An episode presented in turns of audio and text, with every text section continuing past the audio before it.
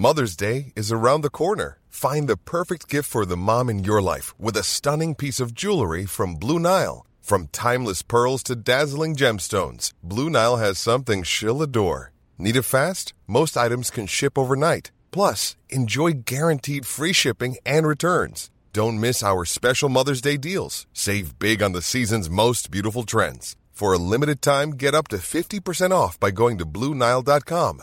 That's BlueNile.com.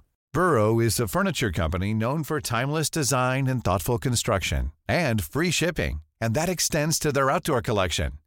Their outdoor furniture is built to withstand the elements, featuring rust-proof stainless steel hardware, weather-ready teak, and quick-dry foam cushions.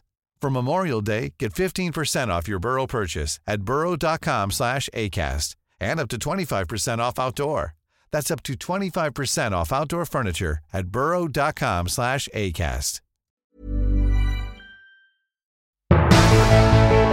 Mange klager på klikkjournalistikk og fordummende tabloider. Hvorfor kan de ikke bare lese Morgenbladet? Og hvorfor er det stadig flere som gjør nettopp det? Leser Morgenbladet? Det lurer jeg på i dag. Og så lurer jeg på hvorfor tabloide grep som korte overskrifter og hardt vinklede saker, som fungerer for de store nettavisene, ikke fungerer for Morgenbladet, og omvendt. Som dere skjønner, så er dette en ny temasending fra Tut- og Mediekjør-redaksjonen. Eller fra meg, da, siden Eva er borte. Og så blir det da et nytt timeslangt intervju med en person som jeg mener er verdt å lytte til. Og eh, takk for alle tilbakemeldingene vi har fått etter forrige ukes episode. Da har jeg snakket med VGs kommentator Shazia Majid om det å stå i, eh, i stormen som kvinnelig kommentator med minoritetsbakgrunn. Og aller mest takk da til Shazia, som ville fortelle så mye om seg selv og sin situasjon. Men i dag altså skal det handle om noe annet. Vi har i Tusen Mediekjør i over 140 episoder snakket mye om media. Som om media var det samme som VG, Dagbladet, NRK, TV 2 og Aftenposten. Men mediemangfoldet i Norge består jo også av mindre publikasjoner som faktisk holder godt stand, og de vokser, og noen kaller det for nisjeaviser, f.eks. Og Morgenbladet er en slik eh, avis. Det er også Norges første dagsavis, utgitt 1.1.1819, og det er eh, blitt en lang og bråket eh, historie. Men i dag med et opplag på over 33 000, som er rekord for avisen. Ansvarlig redaktør er Sunn Heidi Sæbø, og hun sitter her. Velkommen til Tut og Medikjør. Tusen takk. Eh, hva tenker du forresten om tittelen på podkasten vår, Tut og Mediekjør? ja, det er jo egentlig ganske dekkende for hvordan bransjen opererer. ikke sant? Det er blinkende akkurat nå-linjer, og det er push-varsler på mobilen, og det er på en måte det moduset vi skal leve i å være som mediebrukere, da. Mm. Og så er det sånn at den avisa jeg jobber i, vi prøver å være noe annet for lesere som kanskje ønsker, eller har en annen inngang til å lese aviser og få med seg det som skjer. Nettopp, og det var jo noe av tanken eh, når vi hadde den halvkritiske Tut og Mediekjør eh, Når vi diskuterte den tittelen, så er det en følelse av at her går det unna. Her er det, og det er publisering kontinuerlig, som jo er totalt annerledes enn eh, da vi begynte å jobbe som journalister, f.eks. Jeg eh, vil jo bare si, jeg kommer jo fra Dagbladet, ikke sant? Eh, og jobba som nyhetssjef og nyhetsjournalist der, sånn at jeg kjenner jo veldig godt til den hverdagen. Og den er jo like viktig, bare så det er sagt. Eh, det å liksom holde folk oppdatert om hva som skjer. Eh, og den, det er bra at mange medier liksom konkurrerer om å rapportere om det. Men så jeg husker veldig godt jeg hadde, Det var to venninner av meg som vi tok høyere utdanning sammen i Bergen. Sammenlignende politikk. Og så husker jeg at jeg ble så irritert på dem, fordi ikke hørte de Nyhetsmorgen, ikke var de innom Dagbladet eller VG, ikke Dagsnytt 18, ikke Dagsrevyen. De var sånn Unnskyld meg. Hva, hva, hva gjør dere, eller hva? Ja, ikke sant? Og, bare, og de bare Prøv å høre til Dagsnytt 18 når du har to små barn i bakgrunnen. Men poenget var at de, var, de er jo veldig veldig samfunnsengasjerte og opplyste. Eh, vi kunne gått inn i et hvilket som helst politisk tema eller tema i samtiden og hatt ganske harde og spissa diskusjoner. Så det er jo ikke det at de er nyhetsunnvikere. Men de var jo abonnenter på Morgenbladet, fordi at der fikk de det de følte de trengte, og så plukker de fra andre medier, inn- og utland, det de vil ha, ikke sant? Ja, så får de jo med seg på et eller annet vis det daglige nyhetsbildet. Men, uh, ja, men det er veldig interessant, fordi jeg startet med å si at vi, vi har snakket mye om uh, hvordan journalistikken blir til, og hvordan medie, medielandskapet er, og, og, og presseetikk da, her i denne podkasten, men veldig ofte med referanser til de mediene jeg nevnte, altså de store mediene. Men um, ok, så jeg har jo ikke invitert deg eh, bare fordi mange skryter av Morgenbladet. Det er også sterke kritikere. Eh, og, ikke for, og ikke fordi eh, du ble kåret til årets medieleder for kort tid siden, etter at du tok over som ansvarlig redaktør. Jeg har heller ikke invitert deg fordi du har skrevet tre bøker om Kina, som eh, jeg veldig gjerne skulle diskutert, fordi eh, Kina er veldig, veldig viktig og aktuelt. Eh, Men for å snakke om Morgenbladets prosjekt og oppgave i norsk eh, offentlig debatt, og ikke minst betydningen av nisjeaviser og mediemangfold. Men før vi starter med det, eh, Sun Heidi Sæbø. Hvem er denne eh, redaktøren, forfatteren, samfunnsviteren som leder kultur- og eliteavisen Morgenbladet? Egentlig så er det litt fristende å bare la det stå sånn, for det høres liksom så pompøst og fint ut. Men bak de kulepunktene så, hva skal jeg si, jeg eh, vokst, jeg er adoptert fra Sør-Korea. Mm. eh, Og vokste opp på ildseng, som kanskje, i hvert fall ikke den gang, og jeg vet ikke om det er det nå, var en sånn Det var ikke noe smeltedigel. Eh, Nei, det er på Hedmarken, ikke sant? Ja, ja, veldig. Eh, Men det var veldig fint, det, altså. Um, To foreldre fra, som kom fra Hardanger til Hedmark, så de følte seg sikkert mye mer fremmed enn det jeg noen gang gjorde. Og det var jo ikke noe sånn Jeg kommer i hvert fall ikke fra noen elitebakgrunn, det kan vi trygt si. Eh, De gikk til og med folkeskolen, som var sjette klasse. Og så prøvde pappa seg på yrkesskolen på Voss, eh, men så ble mamma gravid, og så videre og så videre, og så måtte de flytte. Gifte seg. Så utdannelse er det ikke så mye av eh, i din familie? Nei, og det er altså Sånn er det jo, ikke sant. Ikke alle skal eller vil ta høyere utdanning. Sånn at uh, i min familie så er det bare jeg som har det, Uh, mens mine søsken har valgt andre veier. Så, og mine foreldre, de har på kjøleskapet hjemme hos oss, helt på sida, blant feriepostkort fra Lofoten og så videre, så er det sånn bitte liten utrevet notis hvor det står liksom at jeg er blitt sjefredaktør i Morgenbladet. så det, det er veldig koselig, da. Men du, eh, jeg kan jo relatere til den bakgrunnen, for den er helt eh, Eller ganske identisk, i hvert fall klassemessig, med min egen eh, bakgrunn. Og jeg kan love deg at det var ikke Morgenbladet de leste hjemme hos meg heller. Og jeg husker en kompis jeg hadde Vi hadde en sånn Når vi skulle tulle og late som vi var noen andre. Eh, Så hadde vi en sånn saying. eh, Og da var det sånn Har du, har du, le, har du sett det, eller har du sett hva som står i VG? Og da svarte vi alltid med nesa i været.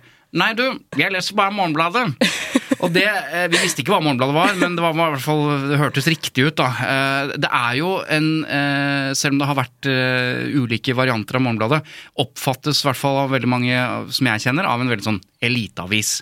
Og da er neste spørsmål hvordan hvordan blir en, eh, en eh, som deg, eh, med din bakgrunn, og via sammenlignende politikk og studier i Bergen, hvordan Du begynner jo i noe som er på en måte motsatsen til Morgenbladet i medieverdenen, altså Dagbladet. Så kan du fortelle litt om den veien, da? Ja. Ehm, Jeg begynte med å studere, ikke sant, og var veldig interessert i internasjonal politikk og statsvitenskap, og dro til Kina i min studietid. Og så kom jeg da inn i Dagbladet, og da, av alle ting, så ble jeg fast ansatt på til å starte opp det nye kjendis.no. Som var ganske langt unna det jeg liksom hadde studert, da. Så jeg hadde jeg har et minne av at jeg sto i grensen ved Akersgata der og felte noen tårer fordi desken ville at jeg skulle skrive om Var det pupp? Om Selina Middelfart brukte puppeteip på kjolen eller ikke. Ok, Men da må jeg spørre, hvorfor sa du ja til en sånn type jobb, som ligger så langt fra nettopp det du sa? Jo, for jeg husker at jeg hadde, jeg hadde vært på da jobbintervju til et sommervikariat i VG, og så var det da dette jobbintervjuet. Og så hus, Jeg husker ikke hvem det var i VG, men de sa bare Du, hvis du har fått tilbud om fast jobb, så ville jeg tatt den. Ta det og løp. Ja. Og så gjorde jeg det, og så skal jeg si at den uh, kjendisskolen den var ganske nyttig. Av alle ting. På hvilken måte? For det første så må du Du blir ganske fort trimma i etikk, ikke sant? For du skal skrive om folk, du skal skrive om ting som gjerne tilhører privatsfæren deres, og det er jo utelukkende personvinklinger, så du må rett inn i etikken med en gang. Og så lærer du deg å vinkle. ikke sant? Du kan ikke Du lærer deg at vinklinger som stadig mer uro i Europa eller Midtøsten, det, det kommer ikke til å funke. Sånn at du går en vinklingsskole. Mm. Eh, kanskje skrive om personer Ikke liksom at vinklingen er liksom på makrostrukturer, da, eksempel. Mm. Og så er du i Dagbladet i eh, en god del år, og så tar du, eh, og som du sa innledningsvis, du har vært nyhetssjef, eh, og så tar du et ganske annet valg, da, rent journalistisk. I vår andedam så er det et, et, et lite stykke fra tabloidene til, til Morgenbladet. Hva er bakgrunnen for at du, at du gjør det? Jeg tror Det var ikke sånn at jeg slo hardt opp med Dagbladet. Det var mer sånn at jeg så skrev jeg én bok om Nord-Korea, og så ga det mersmak, og så skrev jeg en bok til. Og så plutselig så har det forandra deg litt, og man har glidd litt fra hverandre, eller man søker ny utfordring, så var det noe som skjedde ganske naturlig. Og da den jobben som samfunnsredaktør i Morgenbladet ble ledig, så tenkte jeg den har jeg lyst på. Mm. Og så ble jeg jo ikke så lenge i den jobben, men Nei, fordi det var, eh, som mange ganger tidligere i Morgenbladet, eh, bråk eh, og uenighet og mange sterke meninger og følelser og, og alt det som kan kan oppstå en arbeidsplass hvor man bryr seg veldig om det man leverer. Eh, vi skal ikke gå inn i de konfliktene, eh, heller ikke de tidligere, men jeg har lyst til å likevel at det tar kort tid før du da blir eh, ansvarlig redaktør. Men eh, allikevel, det er drøye 200 år med historie her. Hvis du skulle bare bruke noen setninger på å forklare de som ikke kjenner til Morgenbladet, hvordan vil du oppsummere på en måte Morgenbladets eh, lange og brukte historie? Sånn kort, liksom. Oi! um, er, den har en veldig brokete historie. Uh, den var Norges første dagsavis, som du sa innledningsvis. Og så er det gjennom alle disse årene og skiftende eierskap osv., så, videre, så er det allikevel noen ting som er eh, konstant. Mm. Um, den har alltid vært opptatt av kultur. Altså, du kan gå tilbake i arkivet og finne at denne avisen har vært opptatt av mye anmeldelser hele veien. Den har vært opptatt, opptatt av kommentar- og debattstoff. Uh, det var jo liksom i Morgenbladet at Wergeland og Welhaven basket sammen. Um, så det er jeg tenker at det er mange av de tingene som du finner igjen i dag. Det er mye kommentar og debattstoff i avisa fortsatt. Det er mange anmeldelser. Og så har vi utviklet oss litt. Jeg mener jo at vi ikke er en sånn smal nisjeavis lenger. Mm. Eh, vi, ja, du er ikke helt så fan av det nisjebegrepet, kanskje? Nei, jeg er ikke det, og jeg mener at Morgenbladet har vokst ut av den nisjen vi en gang var. ikke sant? Da mm. Truls Lie um, kom tilbake si, fra trykkeriet uh, sommer, etter sommeren 1993 med en ny avis, mm. ukeavisen Morgenbladet, ja. så hadde den 2000 abonnenter. Og han starta jo helt, noe helt nytt. Det skulle være en litt sånn intellektuell avis, ikke sant. I dag har vi over 30 000 abonnenter. Eh, det er en annen type journalistikk, eh, mer aktuell, mer påkobla det som skjer. Eh, samtidig som jeg mener at vi har klart å bevare noe av det, det som var liksom mm. både han og Alf Ander Hagens linje også, da. Ja, og Nå nevner du to av altså, sentrale redaktører i den nære historien. Og, og, og, det Truls Lie gjorde for 30 år siden, er det vel da? Mm. Det, hva tenker du om det grepet? Altså gå fra dagsavis til å bli ukeavis som vi nå ser flere blir tvunget til å gjøre, rett og slett. I hvert fall kutte ned antall. Hva, hva, det grepet? Jeg er utrolig takknemlig for at han tok den uh, for 30 år siden, rett og slett. Mm. Fordi det gjør at eh, der hvor alle andre mediehus nå sitter og teller på knappene og sikkert lager prognoser og scenarioer for hvordan skal vi klare Hva skjer med avisa vår når vi går ned på frekvens? Mm. Vi slipper det regnestykket, da. Mm. Uh, og de prognosene. Vi kan nå konse helt og fullt på hvordan vi vil utvikle oss digitalt. Fordi jeg tror nok det er en stund til vi ikke vil klare å gi ut papiravis én gang i uka. Mm. Og det står seg veldig godt, da, det produktet. Mm. I fjor høst så vokste vi som bare det på papirproduktet. du, hva er produktet i dag? Altså hva er Morgenbladet under din ledelse i dag? Hvordan vil du beskrive det? Det er da en aktuell avis, eh, ikke en sånn smal nisjeavis. Eh, vi, eh, jeg kan bruke eksempel denne uka på Fosen, så har vi liksom Aslak Bonde er raskt ute og kommenterer på det. Klaus Moen eh, fra Universitetet i Stavanger er ute og kommenterer på det. Og så lager vi journalistikk som dere vil se i avisen nå. Sånn at vi, vi er opptatt av politikk, eh, forskning, debatt, ideer. Eh, og så er det da liksom en bred kulturseksjon hvor vi har ambisjon om å liksom speile om ikke alle, så i hvert fall mye av bredden i kulturlivet. Da. Vi, vi går ikke for liksom å bygge ned kulturseksjonen og stå igjen med Skal vi danse. Mm. men, men, eh, det er åpenbart når man er en ukeavis at uh, man kan ikke dekke liksom, det daglige nyhetsbildet og hendelsesnyheter. Så det, det, forsvinner bare automatisk ved at man ikke kommer ut. Dere har jo en nettavis, og dere mm. oppdaterer den også, men, men, hva er liksom hovedforskjellen på uh, For det er jo kommentaranalyse i, i dagsavisene også, og, er, og, kommentarstoffet har jo blitt viktig i både VG og, og andre aviser. Hva er det som skiller måte deres blikk fra, fra de andre uh, større avisene? Mm. Jeg tror jeg skal snakke om ambisjonen vår, om hva som er ambisjonen vår om å være For det er ikke sikkert vi klarer det fra uke til uke. Men um, hva, hvor skal jeg begynne? Jeg tror at noe av det vi jobber med digitalt, er det å liksom definere en egen nyhetspuls og aktualitet. Mm. Sånn at det er ikke så viktig for oss å melde hva som skjedde på den pressekonferansen nå, eller på den ulykken, eller akkurat nå bæres demonstrantene ut av regjeringskvartalet. Mm. Det er ikke det vi melder. Vi må finne et annet analytisk blikk på det som skjer, og så kan du si at det prøver jo også de andre avisene på, men det er kanskje noe av forskjellen med å være i et annet modus, da, at hvis eh, mine reportere vil bruke litt mer tid, mm. så får de det. Um, jeg kan bare gi et par eksempler. Um, Martin Ededal han intervjua John Mersheimer, den store realisten, eh, i slutten av november. Vi brukte dritlang tid på å skrive ut det for at det skulle bli så bra som mulig. For vi mm. mente at verdien av at det blir gjennomarbeida og akkurat Altså at kvaliteten på det teller. Eh, så det kom jo ikke før ut i januar. Eh, men det ble utrolig godt lest og mottatt. Det er ett eksempel. Mm. Eh, Et annet eksempel. Jeg er jo, skal skynde meg å si at jeg er jo abonnent, da. En av disse mange nye tusen abonnentene på, på Morgenbladet. Dere har altså en sak ute nå som er på nesten jeg tror det er nesten 70 000 tegn.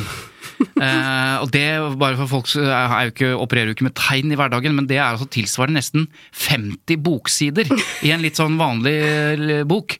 Eh, til sammenligning så, så, så jeg den lengste saken i Aftenposten og var på Og den var lang, altså, om Ukraina. 17 000 tegn til sammenligning. En vanlig kronikk, som jo ikke alle kommer igjennom, den er på 5000 tegn. Altså 70 000 tegn, hva er dere utsetter leserne deres for, herr Sæbø, redaktør? Nei, det er veldig lett å svare på, fordi at eh, for det første så er det ikke sånn at vi gjør det som sånn statement. Å, nå publiserer vi en veldig lang sak, at det liksom skal være hele poenget. Men det handler om Jeg er veldig opptatt av at når vi skal liksom publisere saker, at hva er liksom kvaliteten ved denne saken her? Og historien om jura Som jeg mener, Den reportasjen jeg snakket ja, om, historien nå, om jura. Nettopp, nå snakker mm. jeg veldig innforstått. Mm. Det er altså Jeg kan begynne fra starten, jeg. Mm. Ikke bruk 70 000 tegn, men bare ta eh, selve, selve hovedrisset på den, eh, på den veld, Jeg har lest den, da. Ja. Eh, en veldig, veldig spennende reportasje. Ja. Jo. I krigens aller første dager, snakk om sånn 50 timer etter at Russland invaderte, så dro våre journalister inn, fotograf Christian Belgå og Nikolai Kleivan, inn i Ukraina. Og så, på grensa mellom Polen og Ukraina, så møter de en dame som drar motsatt vei av flyktningstrømmen. Hun drar inn igjen i landet fordi hun har hørt at sønnen Jura er, eh, han er innkalt til krigen, og hun vil, som en mor, da, sånn lett å kjenne seg igjen i, hun vil gi han en nødlader og noe mat, ikke sant. Og så får hun ikke treffe han. Uh, får ikke tak i han. Og så holder vi kontakt, våre journalister holder kontakt med Alexandra gjennom hele året, får vite at han angivelig er drept i et slag, men de finner jo ikke kroppen hans. Og så kommer ryktene. Hva skjedde egentlig? Innbyggerne i landsbyen der slaget sto, sier det var noen som ble tatt til fange på den nærmeste skolen. Ble de torturert? Var jura blant de? Russiske soldater fortalte om en fange som hadde rømt. Var det jura? Mm.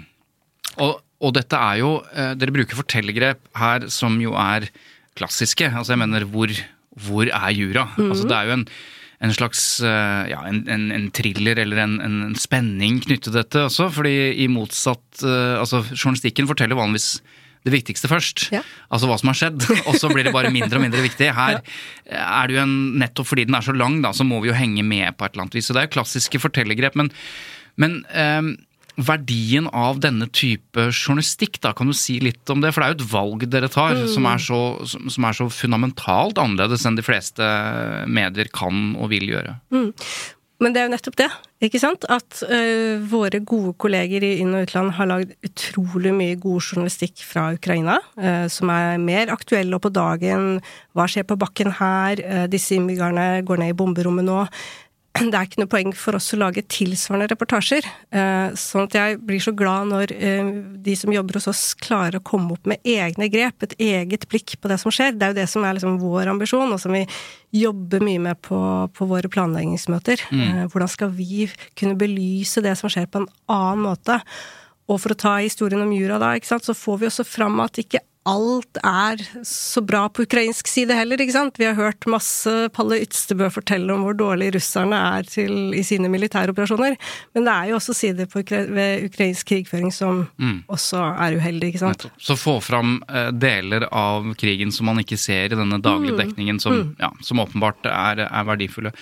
Du, eh, før vi går over og snakker litt mer om verdien av, av dette mediemangfoldet, som, som Morgenbladet er en, eh, er en del av, så forutsetning for å få til dette, mener mange, er at man har en, en støtteordning. Vi har en pressestøtteordning i Norge? Hvor, hvor, eh, hvor man får sørge for at de avisene som, som ja, jeg, samfunnet anser som viktige da, for mediemangfoldet, har en sjanse til å overleve i kampen mot de store som stikker av med de fleste annonseinntektene. Men så, så er det jo sånn at det høres ut som Morgenbladet har vært en såpass stor suksess at man hadde klart seg helt fint eh, i, i, bare i markedet. At det, var no, det er nok sug og, og ønske etter Morgenbladets produkt at man trenger ikke støtte. Dere får vel jeg vet ikke om dere fikk, Er dere for 14-15 millioner? Nei, vi fikk 11,1 i ja, sånn var det. 2022. ja. 11, eh, men, men overskuddet var på, på 14. Så dere hadde jo kl Det er jo 2021-tall. Ja. Okay, okay. Ja, ja, ja, men, men poenget er at, eh, at dere, det går bedre så Dere hadde overlevd uten pressestøtte. Burde man ikke da bare sagt, vet du hva?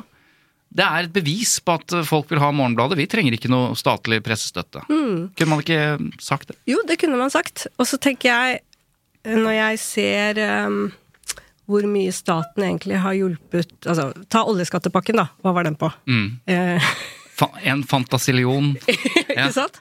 Eh, og så får jeg litt lyst til å sitere min gode kollega i Nasjonen, Irene Halvorsen, som sier noe om eh, altså betydningen av at mediene er jo ikke til for seg selv. De er jo til for å eh, tjene offentligheten, gi et mer opplyst ordskifte. Og som hun sier da, vi har jo ikke politi for politiets skyld. Vi har jo ikke soldater for soldatenes skyld.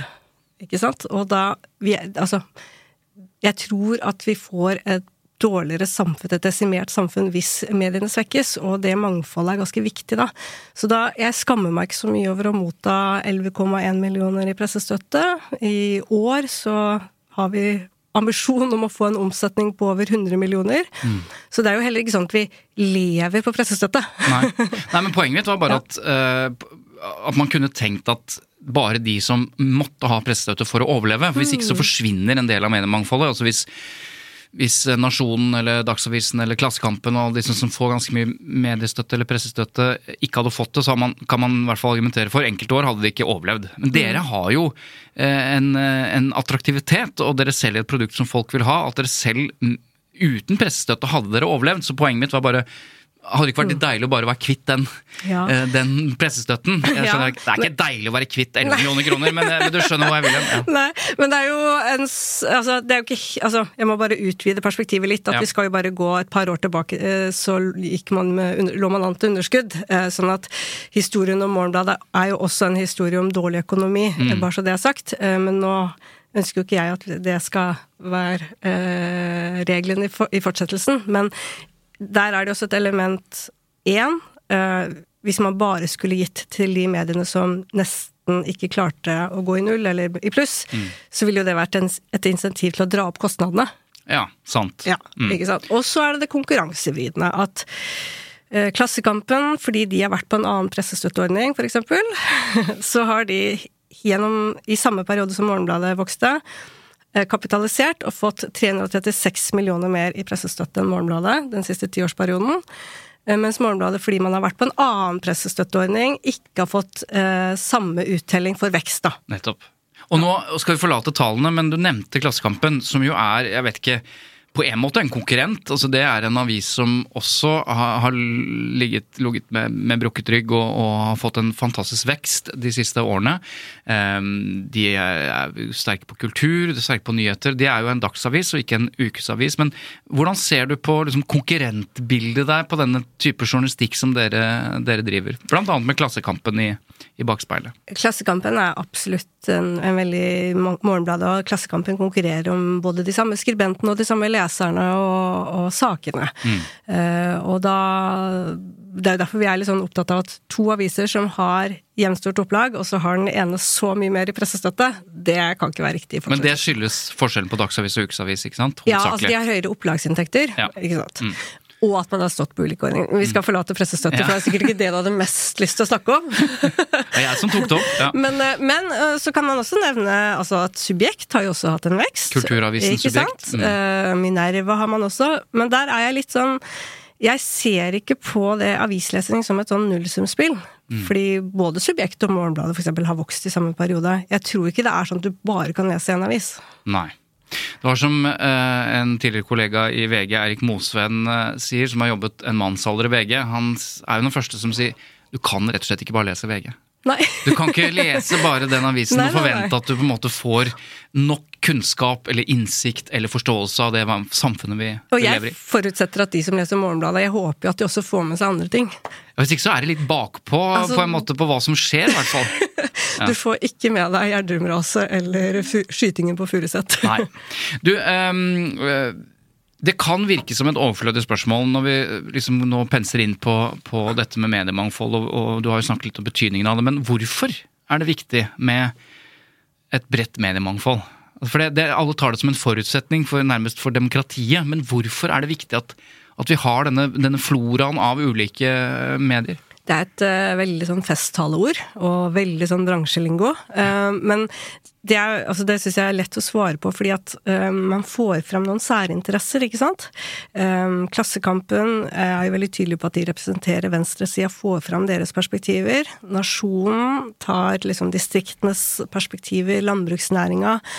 Um, også for Morgenbladets del, ikke sant Ok, du fikk med deg hva som skjedde denne uka, her, men forsto du hva som skjedde? Mm. Hvorfor det skjedde? Eh, hva skal vi tenke fremover?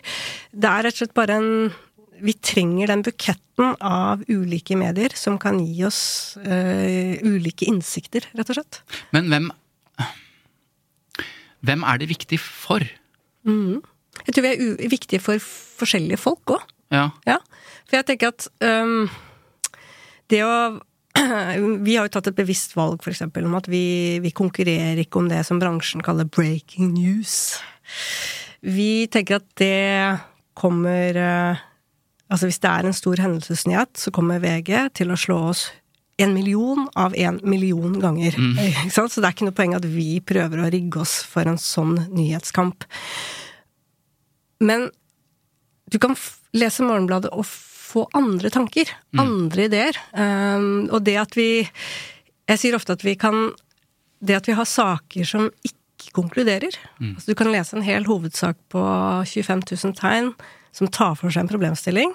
Og så konkluderer vi søren ikke engang. Mm. Men er, jeg syns det er en bra ting, da. Ja, og når jeg spør hvem er det viktig for, så er det litt for å på å si Tenk på hvor vi kommer fra, da, både mm. du og jeg. Uh, og som, som jeg sa litt uh, på fleip, at det var ikke så mange jeg kjente som faktisk leste Morgenbladet. Det er det heller ikke uh, lenger, eller nå.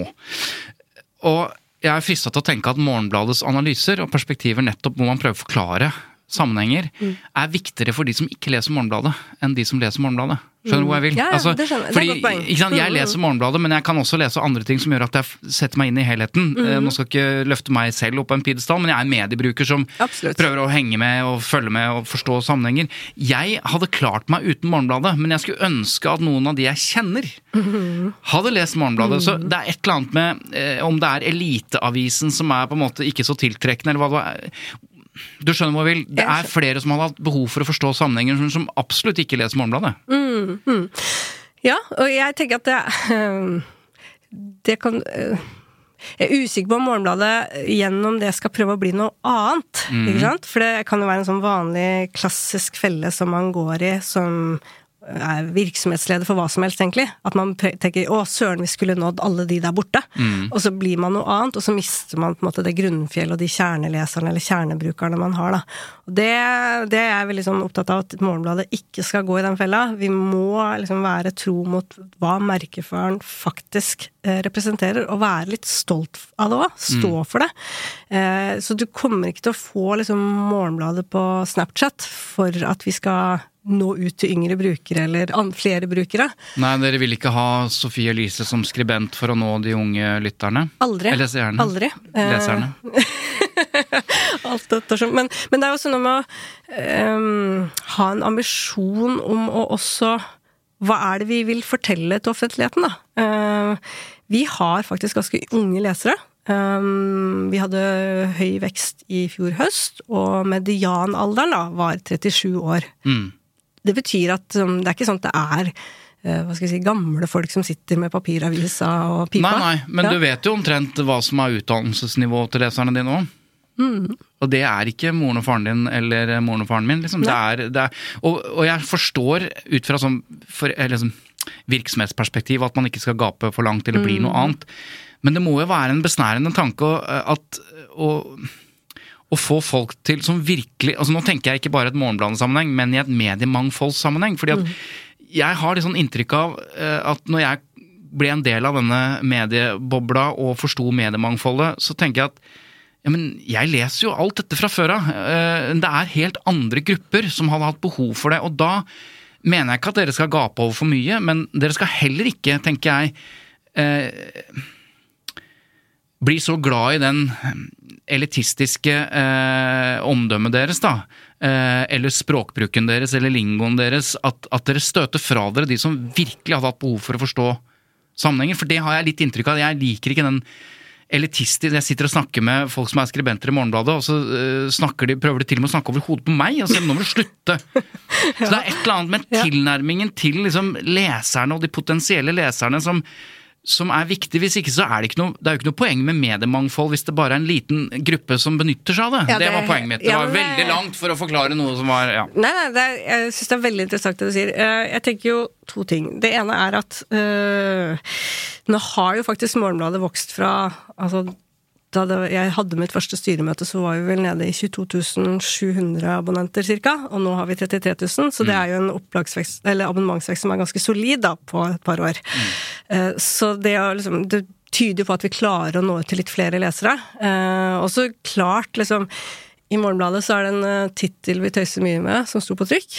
Um, var det 'Transcendensen av immanensen', eller noe sånt? Det er akkurat det jeg snakker om for øvrig. Ja. ja.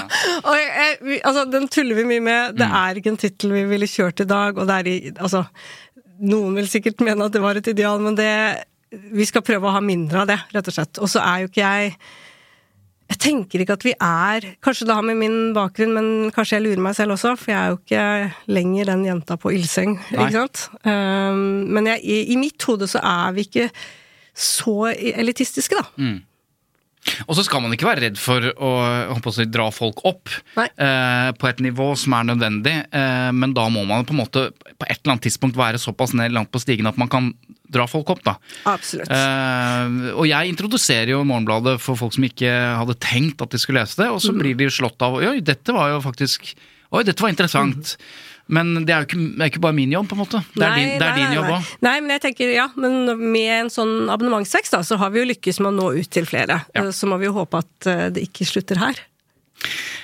Eh, det tror jeg ikke, men eh, i hvert fall hvis dere fortsetter å gjøre god Men hva, dere har jo også en del kritikere av Morgenbladet, altså, og det skal man jo være glad for, for det, da er det jo en, et slags engasjement rundt avisen. Men hva, er det, hva har vært liksom, de viktigste innvendingene, sånn som du tolker det, mot Morgenbladet? Altså Når Morgenbladet får kjeft og kritikk, hva er det hva er det, det handler om?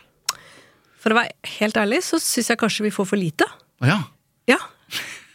Altså, jeg bare tenker, betyr det at vi har litt for ufarlige tekster på trykk? Um, altså, det, jeg sier jo ikke at det ikke er sånn at det kommer reaksjoner på ting vi har hatt på trykk, men sånn det å få kritikk fordi man faktisk har vært upresis om å gjøre rettelser, er på en måte Det er veldig enkelt å ta stilling til. Mm. Det må man jo bare fikse.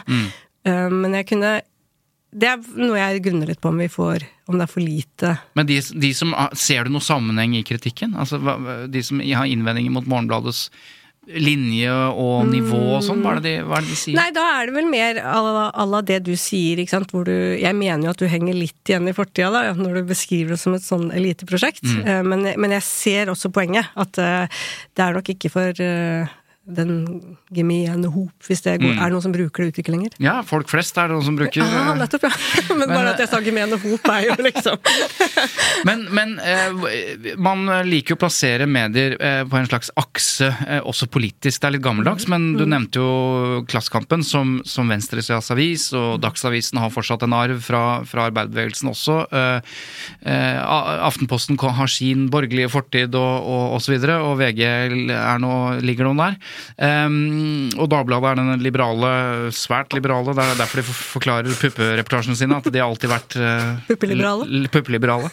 Men, men, uh, men hvor er Morgenbladet da, i forhold til liksom Dagens Næringsliv, der ute, Finansavisen? Altså det er jo I et sånt perspektiv, hvor, hvor befinner Morgenbladet seg?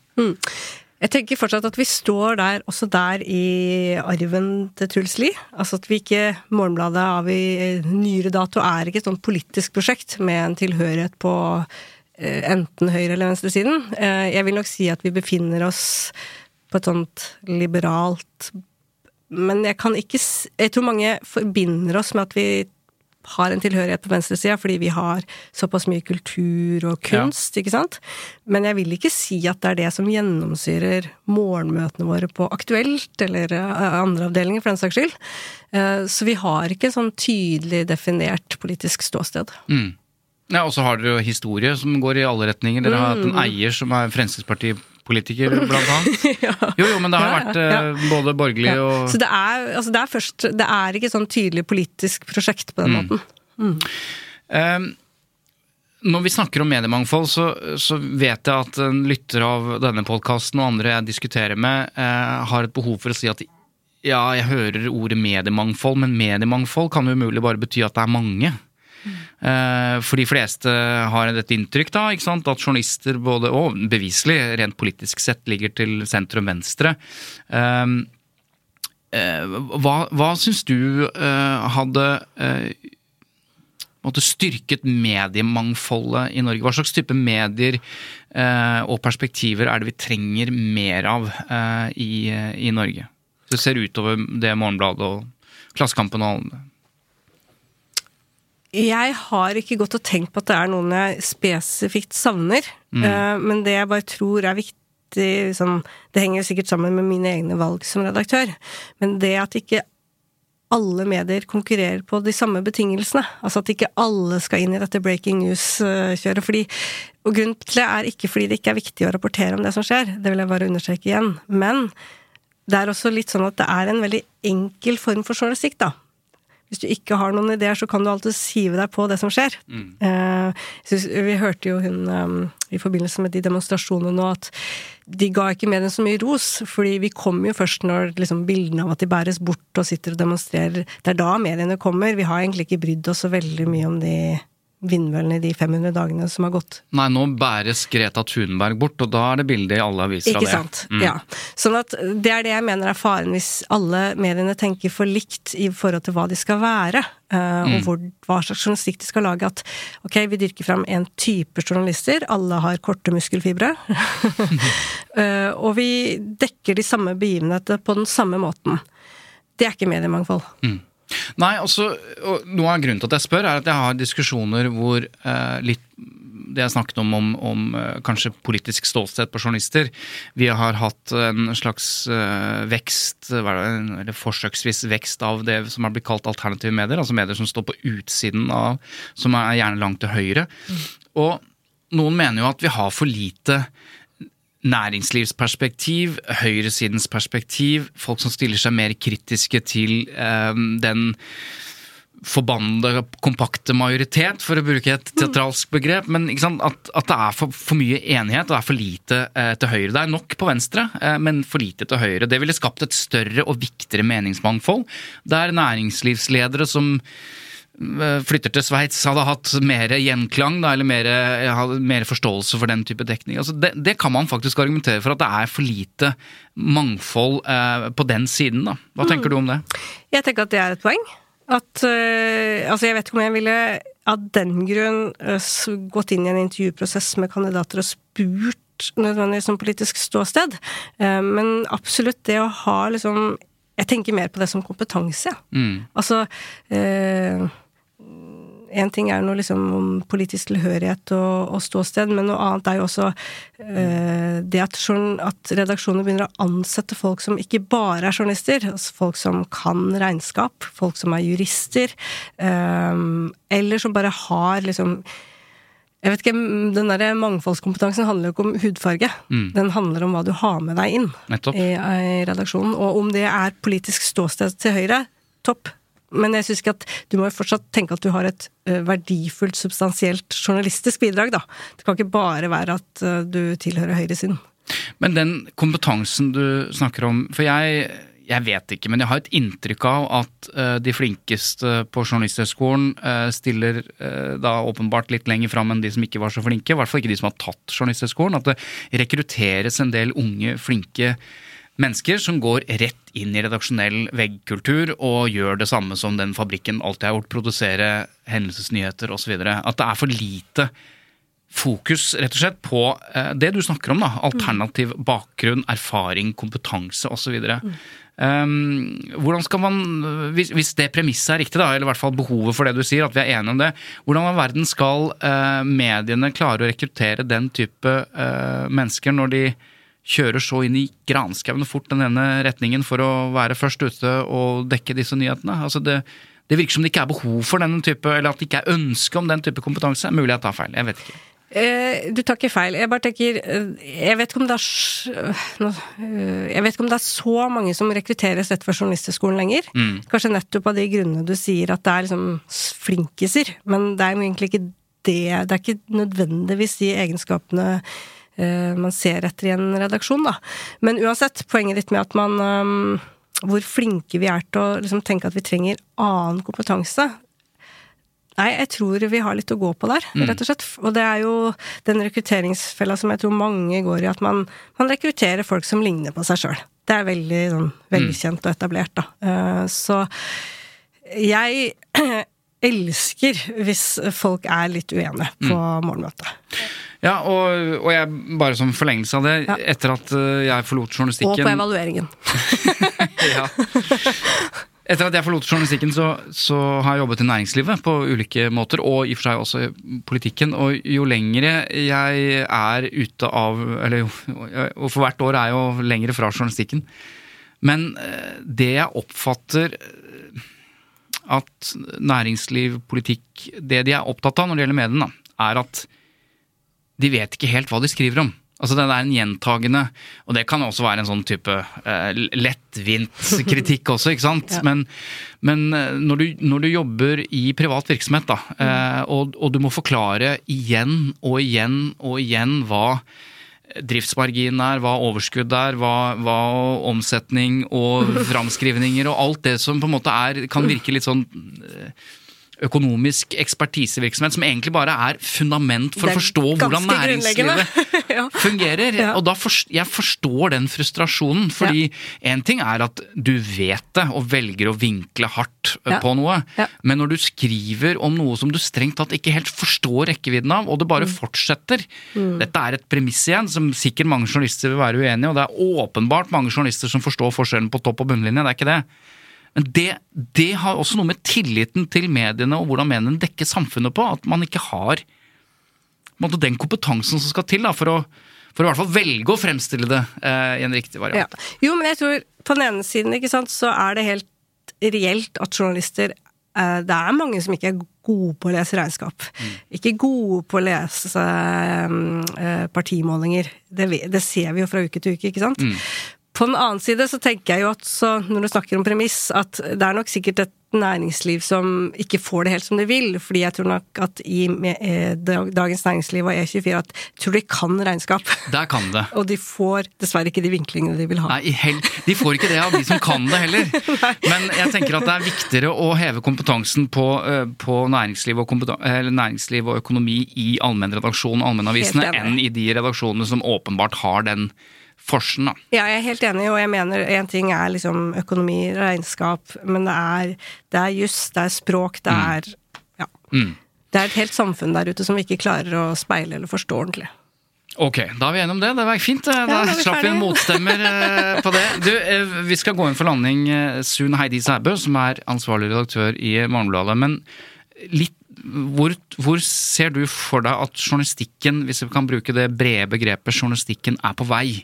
Og da eh, med, med liksom vidsynet om krevende eh, finansiering av mediene, konkurransen med det globale osv. Um, hvor er journalistikken på vei, tror du? Hvis jeg kan stille et så bredt uh, spørsmål. Det var en ganske bredt spørsmål. Ja, var det. I hvert fall når vi har ett og et halvt minutt igjen. Nei da. Men hvor, hva, hva, hva tenker du? Jeg velger å være optimistisk. Um, nå er vi jo Hvis vi sier nå som i disse ukene, egentlig, så er man jo veldig sånn Snakker mye om AI, og det er det jo god grunn til, fordi det kommer jo til å utfordre journalistikken. Men så må vi huske at AI er jo det er jo generert av hva vi mennesker har gjort og har skrevet og tenkt før. Så det er ikke sånn at det ikke vil være behov for ny journalistikk, eller at journalister vil bli fasa ut av den grunn.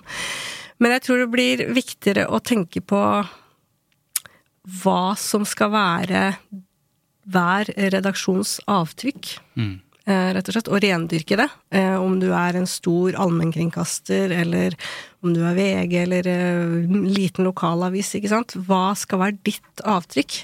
fordi at det er Informasjonsflommen er veldig stor, da. før så var kanskje avis, lokalavisen alene melde en, om en politiaksjon. Nå kan du bare gå på Twitter og finne det. ja. Mm. Hva Det var et lite svar på et stort spørsmål. Ja, men det, det var perfekt. Eh, hvis vi helt til slutt ser på du har hendelsesnyheter, eller ofte kalt breaking news, vet ikke helt hvorfor, men det er, det er det, som skjer i samfunnet, i hvert fall her og nå, akkurat nå, akkurat nå. Og så har du eh, kommentar- av journalistikken. Og så har du de, mer den graveprosjektene, altså undersøkende journalistikk, som er gjerne gullstandarden for journalistikk, da, det vi alle skjønner er viktig.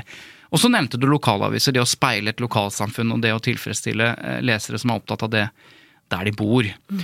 Av disse liksom fire områdene så er vi liksom avhengige av, av, av, alle, men for meg så virker det som breaking og hendelser at det på en måte tar, tar, litt av. Eh, men så vet jeg at det er mer og mer gravejournalistikk også.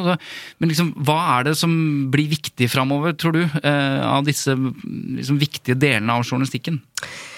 Jeg vil jo tro at en liten del av forklaringen til at så mange redaksjoner satser på breaking, er vel Dette er bare en hypotese. At uh, du får, kan sende ut push-varsler, og så får du folk inn på uh, nettsida di, og så får du opp sidevisningene, og så kan du selge flere annonser på det. Det er en teori. Mm. At det er en grunn til at redaksjonene satser mer på breaking news. Um, men det er jo også Man skal jo skalere ned, det er jo viktig i lokalmiljøet også. Men å sette breaking news hater vet ikke, hendelsesnyheter opp mm. mot uh, gravejournalistikk er jo egentlig en umulig eh, øvelse, fordi at begge deler er like viktig. Mm. Men hendelsesnyheter er ikke like viktig for Morgenbladet. Det kan vi slå fast. Nei, eller det vil si det er ikke det at vi skal skrive om helt andre ting. Vi er ikke igjen, igjen bort fra den der elitistiske nisjeavisa du beskriver. Men det er det at vi skal gjøre det på en annen måte. Det er det som er ambisjonen vår. Mm. En annen aktualitet, en annen nyhetspuls. Uh, sånn at du kan få med deg det som skjer, men du kan prøve å forstå det på en annen måte. Og det er dere godt i gang med. Eh, det har dere gjort uh, lenge, og jeg ønsker deg lykke til videre med Morgenbladet-prosjektet. Og så håper jeg dere klarer å fange enda flere av de dere kanskje ikke har øyne for, eh, men av de som eh, har eh, behov for å forstå verden, uten at vi skal forklare at de har behov for det, men som rent intuitivt vil forstå det ved å lese et Morgenbladet, men da må det bli tilgjengelig for dem. Kan vi være enige om at det er et slags ekstramål? Utvilsomt, og takk for gode innspill og spørsmål. Veldig hyggelig. Nå skal vi besvare mm, lytternes spørsmål, for det gjør vi også her i denne podkasten, men du skal få slippe, så jeg roper på Christian! Ja da, jeg kommer! Ja, ja, ja, nå er jeg her. Kommer du med laptopen din igjen? Ja, Da betyr det vel at eh, vi har fått noen spørsmål, da? Da har vi fått et spørsmål. Ja. Eh, ja, det blir ett det i dag også, fordi det er litt lenger og utfyllende. Ok. Ja, Det er fra Einar. Fra Einar. Ja, Kommer fra Grimstad. Ja, jeg tenkte det var Einar fra Eina, men det er det ikke. For du kjenner Einar fra Nei Einar? da, men jeg, synes var, jeg er glad i alliterasjoner. Ja, ja, ja, ja. ja, men da kommer Gunn fra Grimstad neste gang, håper vi. Ja, ja. Einar, Kjære Tut og mediekjør. Jeg vil gjerne bli overbevist av dere, fordi jeg har begynt å svare nei på følgende spørsmål. Er Vær varsom-plakaten god nok? ok. Å, det er noen som virkelig har eh, Oi. gjort hjemmeleksa si? Ja, ja det er jo det er en lang e-post, men Ok, det, er ja, veldig, jeg syns dette er veldig spennende. Um, jeg får mer og mer inntrykk av at journalister dømmes svært sjeldent i PFU. Mhm. De har ikke brutt noen retningslinjer i Vær varsom-plakaten. De går fri, selv om all sunn fornuft og magefølelse tilsier at journalistene har oppført seg sleivete og dårlige mot kilder.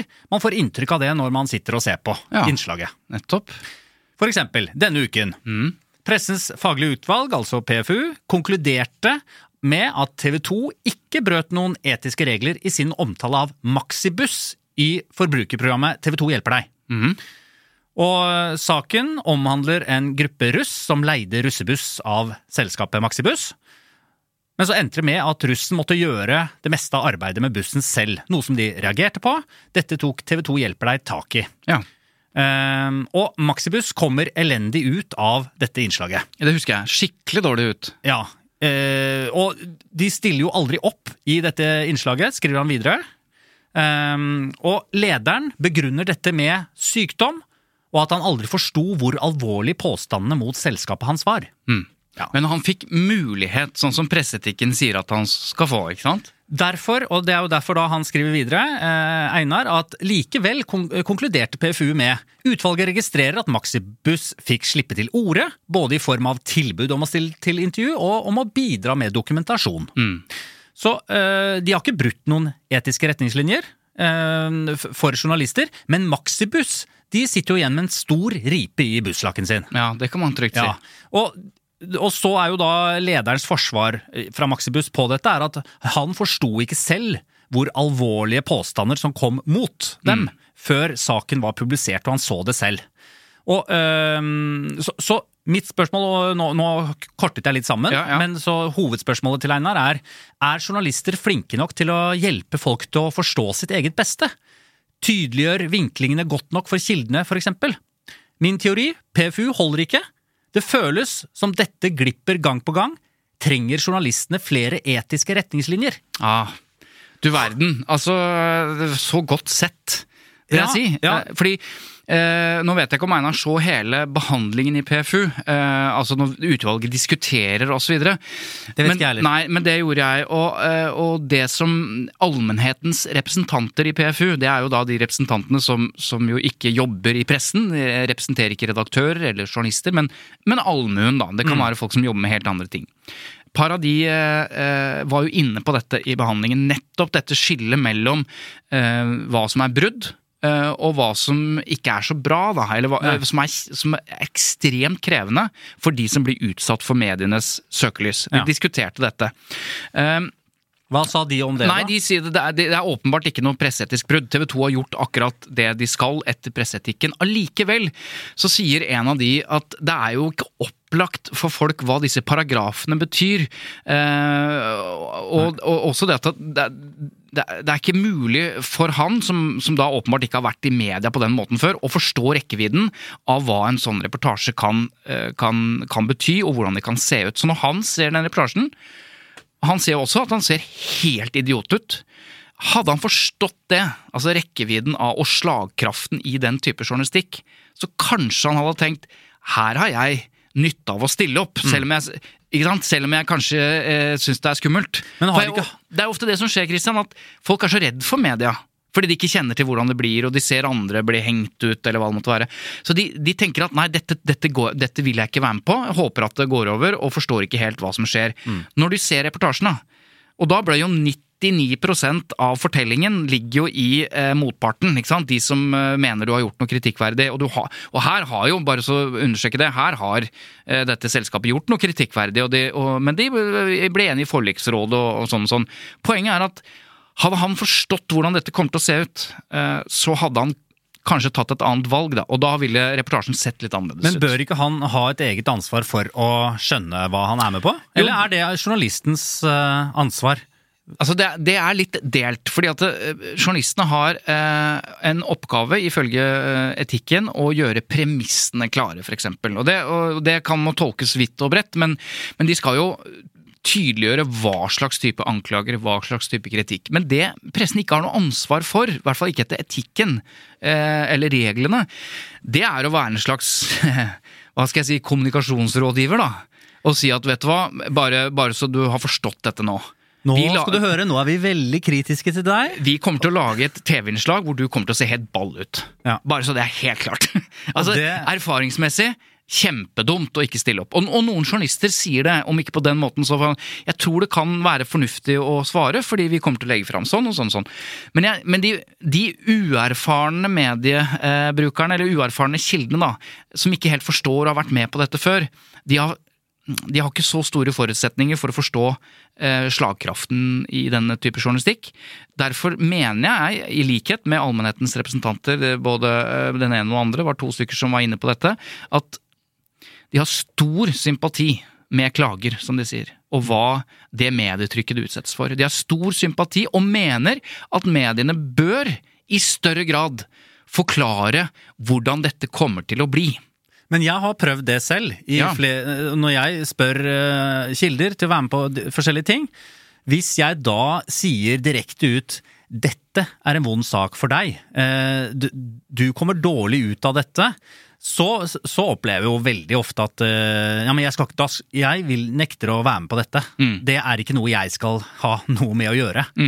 Det kan jo være at jeg ordlegger meg feil, men da, da, da vil jeg gjerne ha en sånn setning på hvordan man skal ordlegge seg. Fordi mitt eh, Ja, jeg opplever jo det motsatte. Ja, Folk men- trekker seg unna. Jo, men det er nettopp det som er problemet. At mangel på kunnskap, mangel på forståelse og innsikt i hvordan mediene fungerer, gjør at du blir redd.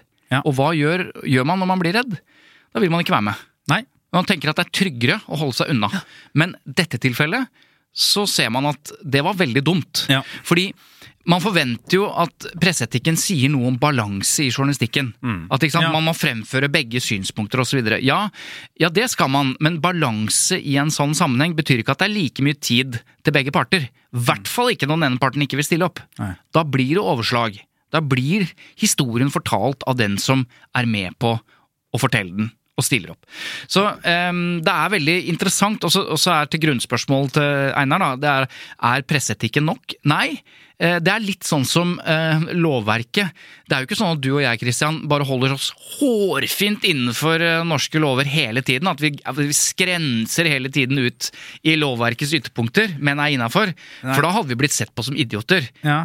For det, det handler jo om at det går an å være behjelpelig, hyggelig, imøtekommende eh, for å bygge tillit.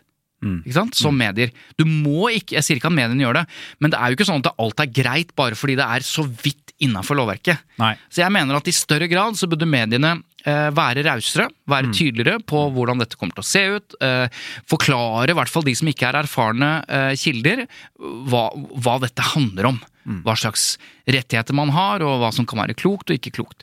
Så Kan han nå klage på det? At de ikke ga han nok Altså en ny runde?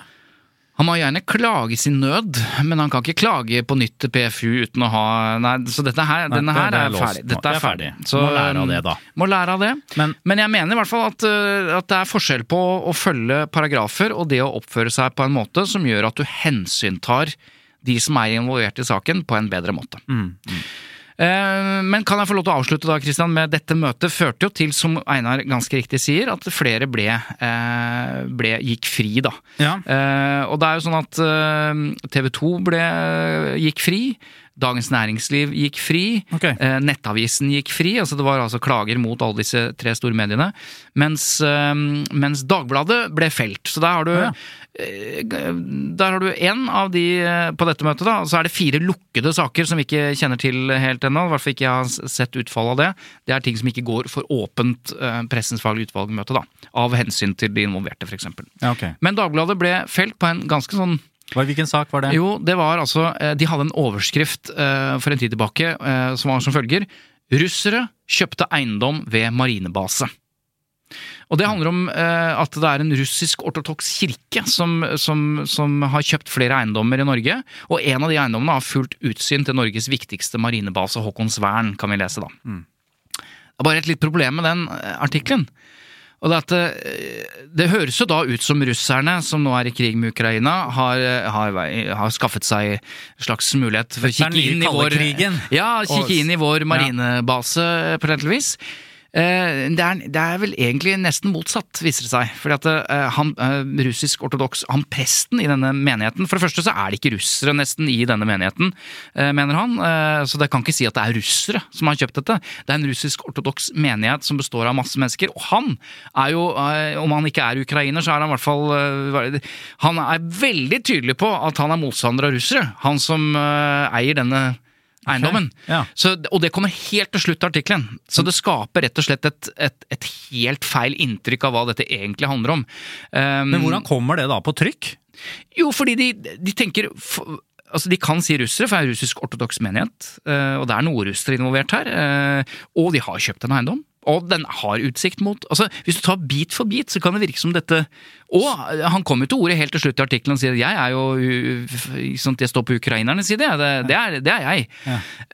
men, men det blir jo Det er som hun eh, Men hva, hva ble de felt på her da? Ja, det var det de var litt usikre på, hva de skal felle på. Hvilken paragraf er dette? Så, eh, Alle syntes det var idiotisk, men ja, hva skal man nett- felle dem på? Nettopp. Altså, eh, Utvalgsmedlem Nina Fjellheim, eh, som jeg også refererte litt tidligere, som er representant for allmennheten, hun sier at eh, dette er brudd på god presseskikk, fordi artikkelen er bygget på et premiss som blir kastet ut når siste avsnitt kommer. Altså Når man forstår at dette er en eh, pro-ukrainsk eh, menighet, da, eller prest. Ja?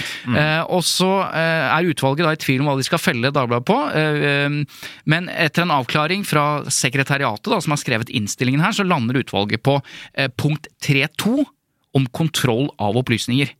At det rett og slett er riktig. Det er ikke riktig at russere har kjøpt denne eiendommen. Da. Nei, det nei. blir feil, da. Um, og så sier eh, lederen eh, til slutt, da, Anne Weider Aasen, som er leder i, i PFU, hun sier at eh, Hele artikkelen blir feil eller ekstremt omstridt når det viser seg at kirken ledes av en ukrainer som hjelper ukrainske krigsofre. Da forstår man hvor på hodet dette blir, da. Så her var man litt usikker på liksom, hva er det, hvilken paragraf er det. For hvis man går skritt for skritt, så kan det virke som sant, at de har, har sitt på det tørre, men hvis- det blir ikke riktig Nei. av den grunn. Eh, Men altså, hvis jeg hadde vært russisk spion og kjøpt den tomta, Mm. og eh, da ville jeg også sagt at jeg var på ukrainernes lag og hjalp dem. Ja, det kan du Ja, godt si. så- Men her var det faktisk Ja, her var det eh, faktisk, ja. ja. Ja, ja, ok. Så der har vi det. Og, Ja, der har vi det. Da har vi i hvert fall forhåpentligvis besvart uh, spørsmålet til Einar også. At, uh, og da mener jeg for ordens skyld at uh, det hjelper ikke å få enda en paragraf. Vi må appellere til medienes uh, si, hensynsfullhet og, og generelle eh, oppførsel. At eh, de må være varsomme generelt sett med folk som ikke er klar over hva medienes kraft eh, og resultater av journalistikken kan bety. Litt vagt, men eh, det var en fin tanke. Vi må b- appellere til det gode mennesket hele tiden. Kristian. Ja, Men ja, du- men fint. Takk for deg da, Svein Tore Bergstuen. Jo, takk til deg, produsent Christian Marstrander. Og jeg tror, jeg tror at neste uke Nei, så Hva? er Eva tilbake. Tør du å si det? Ja, jeg tør å si det. Jeg, har, okay. jeg, jeg, vi tar sjansen på det. Ja, ja, det betyr spennende. at uh, da avslutter vi på en måte tre episoder, tematiske dybdeintervjuepisoder. Og så håper vi på spas und halloi og sprell og god stemning uh, fra første sekund uh, neste gang. Da blir det faktisk tut og Da blir det tut Og mediekjør. Lyd Produksjoner står jo bak dette. Eh, bare Jeg syns det var koselig å si, da. Ja, ja, det, det skal du få lov til å si. Og så må vi skynde oss å si at vi elsker spørsmålene. Send, Ja. send inn til tut at lyderproduksjoner.no. Eh, og også på vår Facebook-side. Supert. Ja, Ha det, da. ha det! Ha det.